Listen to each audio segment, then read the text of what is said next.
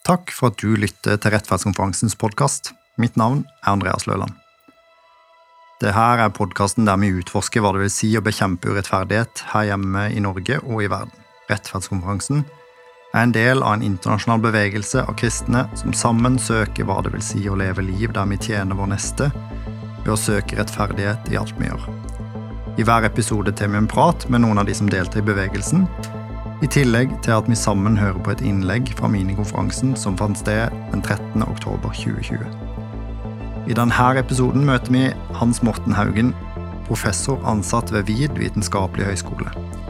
Hans Morten jobber bl.a. med tema som kirkens politiske rolle i samfunnet, sosiale menneskerettigheter og urfolksrettigheter.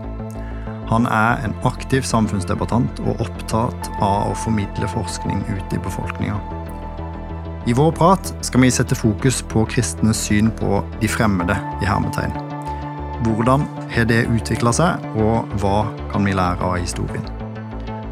Som alle andre intervjuer vi har i podkasten, så er det her en liten smakebit av de samtalene vi kan og bør ha om urettferdighet som omgir oss. Vi håper den inspirerer deg til å fortsette samtalen der du er, og tilegne deg den informasjonen du trenger for effektiv kamp mot urettferdighet. Velkommen til Rettferdskonferansens eh, podkast, Hans Morten Haugen. Tusen takk. Hyggelig å være her. VID eh, har jo vært med helt fra starten av, da Rettferdskonferansen kom til Norge i 2018, og har bidratt med viktig erfaring og kunnskap inn i arrangementene. Så har jeg lyst til å spørre litt, eh, før vi kommer til temaet for resten av samtalen. Eh, hva tenker du om rettferdskonferansen som bevegelse, og hvilken rolle håper VID å kunne spille der?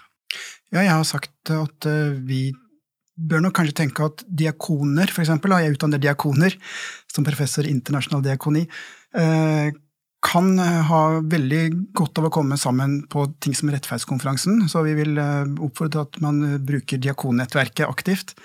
Det som skjedde sist år, var at man hadde diakonikonferanse og rettferdskonferanse i 2019 med to ukers mellomrom. Og det kan bli litt tett. sånn at jeg, Nå tror jeg at modellen er å legge rettferdskonferansen de årene det ikke er diakonikonferanse, og det tror jeg er lurt. For gjelder våre studenter så hadde vi nok et større ambisjonsnivå i 2018 enn vi har i 2020. Eh, da hadde vi en egen fagdag, og vi hadde mulighet for å ta et emne på VID. Eh, nå har vi prøvde vi i 2019 å rekruttere noen studenter fra et valgemne som heter Religion, Poverty and Development. Eh, og vi vil gjøre det kjent også for studenter i år. Eh, vi gjør det også kjent i våre forskningsgrupper, bl.a. Community Development, som er en gruppe med både Stavanger-folk og Oslo-folk, og noen internasjonale. Eh, men, men, det er klart at vi, vi, vil gjøre det kjent for studenter, men vi har ikke noe emne hvor dette måte, inngår som et krav til å gå opp til eksamen, f.eks. som vi hadde i 2018, hvor denne fagdagen ble integrert i et eget emne. Da. Men mm. vi, vi vil være med fortsatt. Så bra. Det er veldig godt å ha dere med på laget. Så eh, til det vi skal snakke om i dag. Eh, et eh, viktig bibelvers for mange av oss som er opptatt av rettferdighet, er jo versene fra Matteus 25, der Jesus snakker om åssen de rettferdige tok imot han da han var blant disse mine minste brødre. Blant de gruppene han nevner spesielt, så sier han at jeg var fremmed, og dere tok imot meg. Dersom vi ser med et eh, litt kritisk blikk på vår egen historie som kristne kirke og menighet i Norge, hvilke fremmede er det vi har vært gode til å ta vel imot, og når er det vi har feila? Hvis man tar historien eh, som utgangspunkt, så er det klart at ting er ofte mye mer nyansert enn det man får inntrykk av. Eh, jeg kan nevne et eksempel. De som har sett på filmen Kautokeino-opprøret, får et inntrykk av at presten der var en meget antisamisk prest, for å si det sånn, som er mer opptatt av å forsvare brennevinsalget enn å forsvare samene. Eh, det er en film som naturligvis har karikaturer, men jeg kritiserte denne filmen i en artikkel jeg skrev, eh, fordi at denne presten var faktisk eh, både en mye yngre prest og en person som hadde en veldig viktig rolle i å fremme annet eh, samisk språk og kvensk språk eh, i menigheter i nord. Eh, så det er klart at Man kan si at det finnes alltid nyanser, men det er det er viktig å si at en hovedfortelling er at kirka har vært et redskap også for statlig tvangsassimilering Mm. og den erfaringa både med, med, samer og med romanifolk-taterne, eksempel, er jo en erkjennelse som i dag gjør at mange prester og andre ikke ønsker å ha denne historien at skal gjenta seg. At man da på en måte har tatt et veldig aktivt standpunkt for disse mine minste mm. i møte med statlig makt og noen ganger tvang. da. og blitt en, en, veldig sterk forkjemper for, for rettigheter for minoriteter, både med lang historie i Norge og med kortere historie i Norge. Mm. Og, og, det mener jeg er ganske viktig å vite at at uh, impulsene som Norske kirke har fått, uh, både fra kirker i sør og, og, fra andre kirker, kan du si, har vært med på å forme Norske kirke. Uh, man kan gå til nabolandet vårt, Russland f.eks. Da finner man en kirke som i stor grad har prøvd å suge fra eget bryst, men Norge har vært mye mer åpne. Og da snakker vi om alle kirker i Norge, for impulsene utenfra. Mm. Hva hvis en tenker litt nyere tid? Er det, hvordan har vi tatt imot fremmede da? Ja, altså Jeg var jo sjøl ganske aktiv i kirkeasylbevegelsen. I 1993 hadde vi 670 personer boende i norske kirker og menighetsbygg, eh, både Norske kirke og andre kirkesamfunn. Eh, det var jo en veldig spesiell erfaring. Det var ikke noe hallelujastemning. Altså, det var ikke sånn at dette var uproblematisk og at man nærmest oppfordret til det, men man, man kastet ikke folk ut når folk var i kirkerommet. Det som skjedde her, var jo at daværende justisminister Grete Faremo var jo veldig kritisk til den måten kirka gjorde dette på, og skrev jo til biskopen i Nord-Hålogaland og sa på Stortinget at kirka med disse handlingsmåtene undergravde nærmest norske demokratiet ved at man valgte å liksom omgå demokratisk valgte eh, forsamlinger og, og, agere på denne måten. Sånn at, eh, og et annet eksempel på en, en norske kirkereaksjon på en eh, restriktiv innvandringspolitikk kom med tidligere preses Olav Skjevesland i Agder, hvor han sa i 2008 Eh, som en reaksjon på daværende eh, regjeringas eh, innstramming, da var det en rød-grønn regjering som vi husker i 2008, at disse innstrammingene er ikke en kristen kulturnasjon verdig. Mm. skrev Skjæveland i sin blogg. Da. Mm. Det, og jeg prøvde liksom en gang å understreke at når Norske kirker reagerer på innvandringsrestriksjoner, så er det ikke det en politikk som går mot Frp. Det har vært like tydelig og synlig kritikk mot Arbeiderpartiledede regjeringer, mm. Mm. både i 1993 og i 2008. Mm. Sånn at jeg vil si at eh, man kan finne en ganske rød tråd som er uavhengig av partifarge på regjeringene, i Norske kirkes kan du si, asylkritiske eh, rolle. Da. Mm. Eh, på mange måter så er jo begrepet eh, fremmede i litt misvisende, eh, fordi det er snakk om er jo ofte like mye en del av det norske som eh, det majoritetsbefolkninga sjøl er. Mm. Så eh, beskrivelsen av fremmed er jo på en måte kanskje mer en beskrivelse av vårt eget perspektiv på disse folka, eh, enn en faktisk beskrivelse av gruppene vi snakker om. Hvordan har eh, perspektivet på minoriteter utvikla seg blant eh, norske kristne generelt i samfunnet?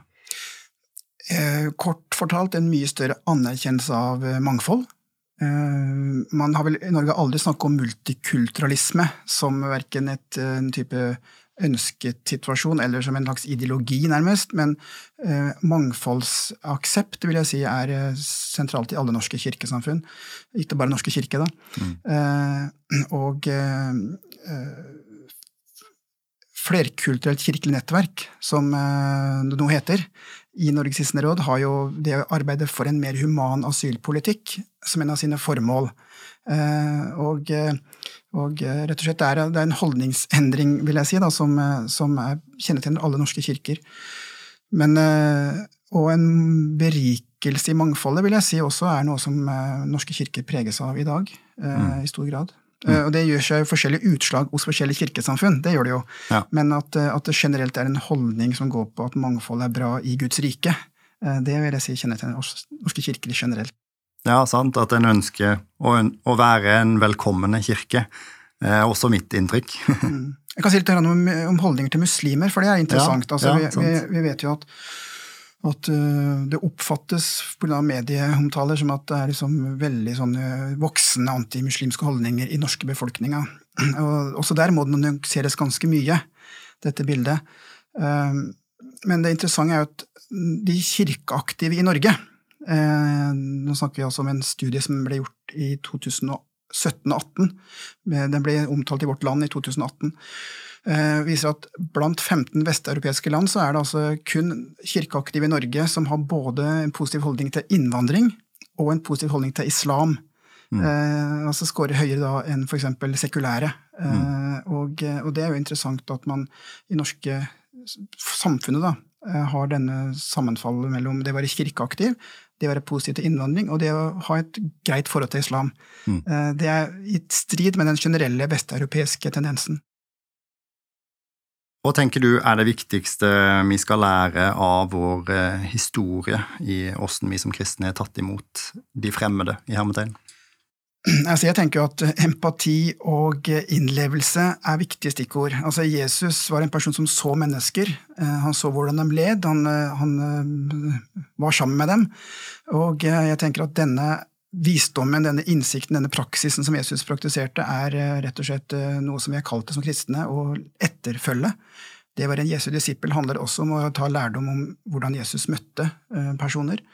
Sånn at uh, man kan stille seg sjøl spørsmålet hvordan ville jeg likt å bli møtt i en sånn situasjon hvis jeg hadde vært uh, på flukt? Mm. Uh, hvordan ville jeg likt å bli møtt hvis jeg tilhørte en minoritet, uh, osv. Og der tror jeg at norske kristne er en del av det norske samfunnet som har bidratt til å gjøre det norske samfunnet et godt samfunn å leve i mm. for veldig mange. Jeg tror at norske kristne har gått foran i å fremme et inkluderende samfunn. Sjøl om det kan si at det er mange historier som viser at uh, norske kirker har også hatt fordømmelse som uh, deler av sin kommunikasjon, så vil jeg si at det større bildet er at norske kirker har både åpnet for mangfold og åpnet for empati og det å ta de svakes parti på en veldig sentral måte. Takk for praten, og takk for eh, lærdommen, og for så vidt utfordringene som ligger litt eh, lagt unna der. Og takk for eh, det bidraget som du og hele VID gir eh, i kampen eh, mot urettferdighet. I denne episodens klipp skal vi høre Kristin Stordal. Kristin er fagkonsulent i Avdeling for velferd og utvikling i Frelsesarmeen og jobber med å styrke det sosiale arbeidet som gjøres gjennom lokalmenighetene. Hun snakker om hvordan gjestfrihet er en nøkkel til god integrering, med at vi blir både givere og mottakere, både vertskap og gjest. Kristin jobber til vanlig annet med programmet Med håp i bagasjen, et helhetlig veiledningsprogram med hovedfokus på å støtte innvandrere i sin prosess mot samfunnsdeltakelse og jobb. Kristin brenner for å møte hver enkelt som en ressursperson, tenne håp om forandring og mobilisere menigheter til å finne veier til god inkludering til gjensidig berikelse av våre fellesskap. Som soldat i Frelsesarmeen så tenker jeg det er jo på sin plass at jeg presenterer et våpen i rettferdskampen. Det er fremdeles kvinner som gråter. Det er fremdeles barn som går sultne. Og det er fremdeles menn som går inn og ut av fengsel. Og det er mange sjeler som lever sitt liv uten Guds lys. Derfor må vi ikke slutte å kjempe. Ord hentet fra den berømte talen til Frelsesarmeens grunnlegger William Booth er dessverre like passende i dag. Frelsesarmeen har som sitt kjennemerke å forene arbeidet og kjempe for rettferdighet i samfunnet med å legge til rette for at folk skal få erfare rettferdighet innenfor Gud med en renset samvittighet. Til og med her i verdens rikeste land så er det fortsatt vår kamp. Ikke Frelsesarmeens, men vår felles kristne kamp. Og alles som vil forene gode krefter. Frelsesarmeen sier om denne kampen at kjærlighet er vårt våpen. I dag har jeg lyst til å dra den tanken litt videre og slå et slag for kjøkkenbordet i en noe utvidet definisjon som et kjærlighetsvåpen. Jeg snakket nemlig her om dagen med en eldre dame i Frelsesarmeen som sa noe som traff meg. Hun sa kjøkkenbordet er et viktig alter å gjenopprette. Der skal gode og dype samtaler om livet deles, og bønner bes. Gjestfrihetens greske opprinnelse det ordet, kan oversettes 'venn med den fremmede', og handler altså om en forhåndsinnstilling av vennlighet. Hvordan står det til med dette i Norge i dag? For noen år tilbake jobbet jeg for Frelsesarmeen i lokalmenigheten i Moss.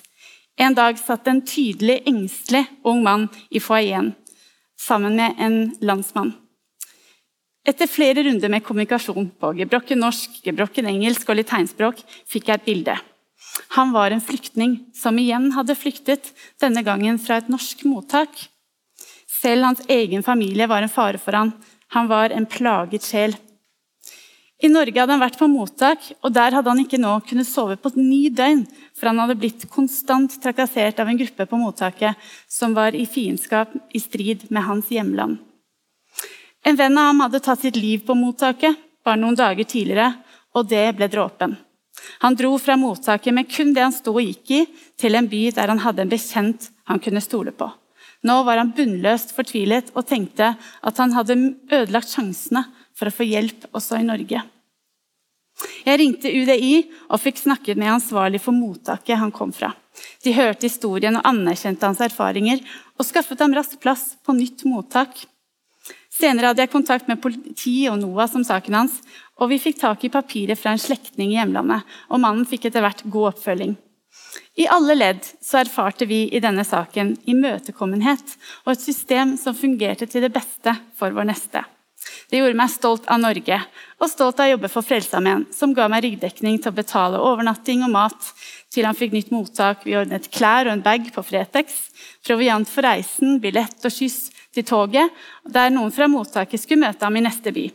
Det var en erfaring av godt samarbeid mellom norske myndigheter og en nærmiljøkirke som handlet ut fra tillit og medmenneskelighet i godt samarbeid. Jeg ønsket å løfte fram dette som et eksempel på gjestfriheten. Den fins i vårt samfunn, selv om den er litt annerledes enn før. Vi må bare gjenreise den der den ikke finner fram, forøke den, heie på den og løfte den høyere. Vi har gode folk med gode hjerter i offentlige instanser.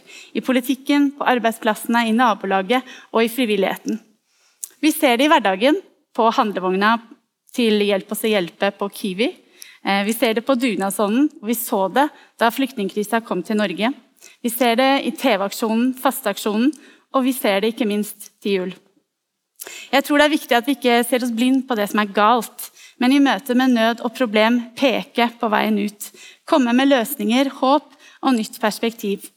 Ikke bare kreve at vi henter barna fra Moria, men selv være en del av planen for livskvalitet når de kommer hit. Da har vi effekt og troverdighet. Og her er sosiale medier en av vår tids viktigste kjøkkenbord. Som andre medier er det et våpen også for urettferdighet og har forårsaket mye skade.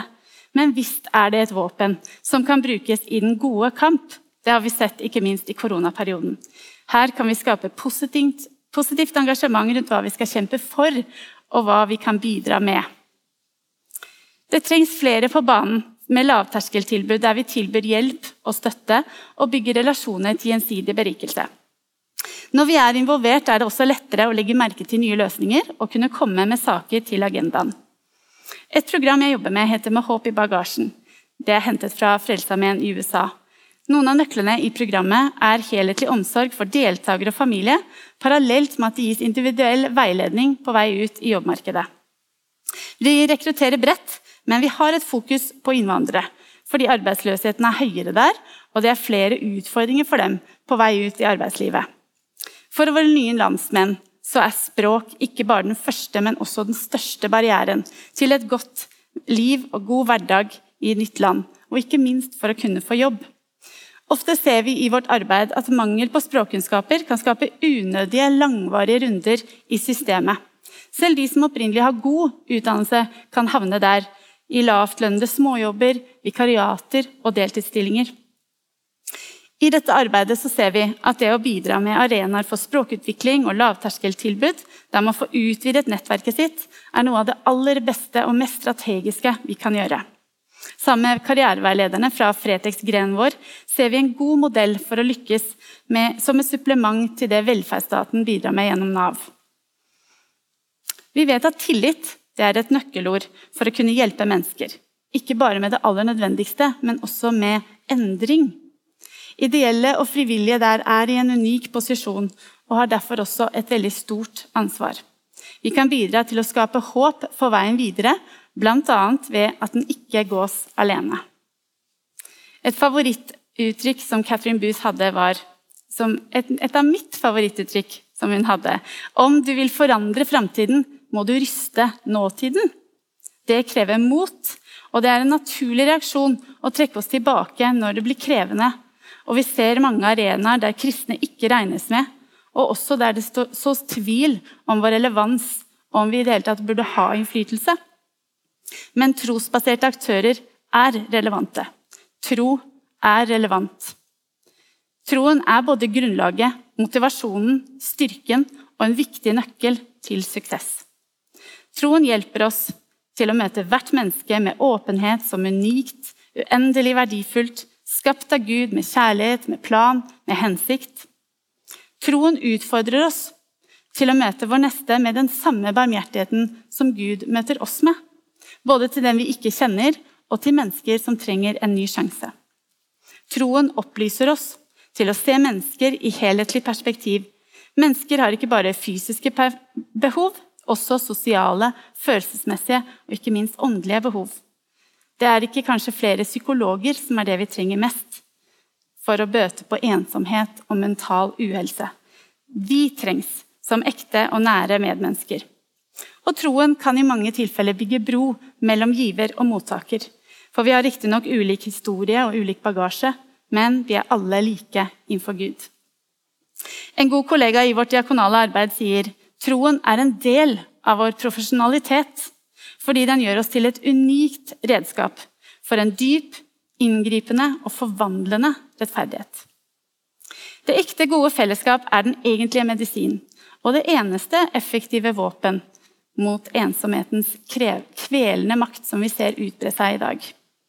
Mange innvandrere har derimot med seg en kultur med mye større gjestfrihet, der storfamilie, menighet og samfunn er mye tettere vevd sammen enn det vi er kjent med her i Norge.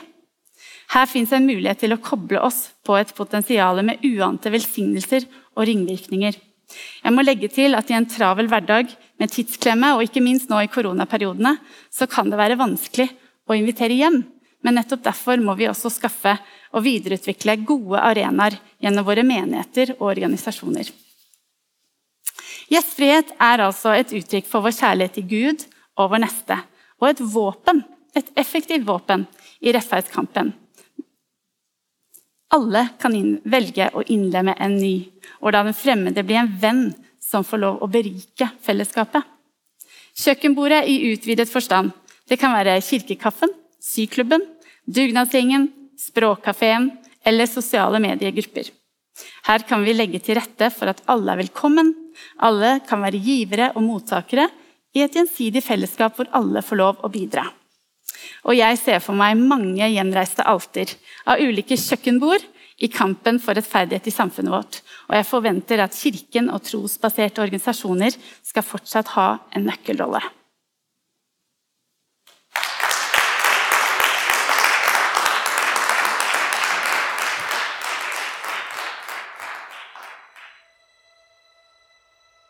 Det gjør vondt når mennesker blir urettferdig behandla. At grupper i befolkninga er blitt definert ut av det normale fellesskapet, og at mennesker som kommer utenfra, er blitt møtt med hat i stedet for kjærlighet. Som kristne er vi heller ikke perfekte, og vi har gjort eh, både riktige ting og gale ting. Det som er sikkert, er at vi bærer et stort ansvar i måten vi møter disse minste blant våre brødre og søstre.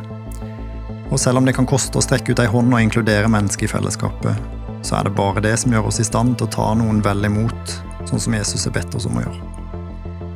Jeg håper du blir med videre i jakta på hva det vil si å bekjempe urettferdighet her hjemme og ute i verden. I neste episode spør vi Berit Hagen Agøy i Mellomkirkelig råd om hvordan kristen diakoni ser ut i en verden prega av koronarestriksjoner, både i Norge og internasjonalt. Sjekk også gjerne ut rettferdsomfangsen.no, og følg oss på Facebook for å se hva som skjer i jakta på rettferdighet.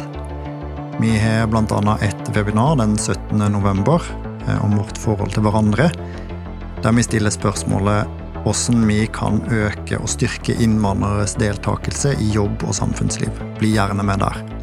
Takk for nå. Vi snakkes.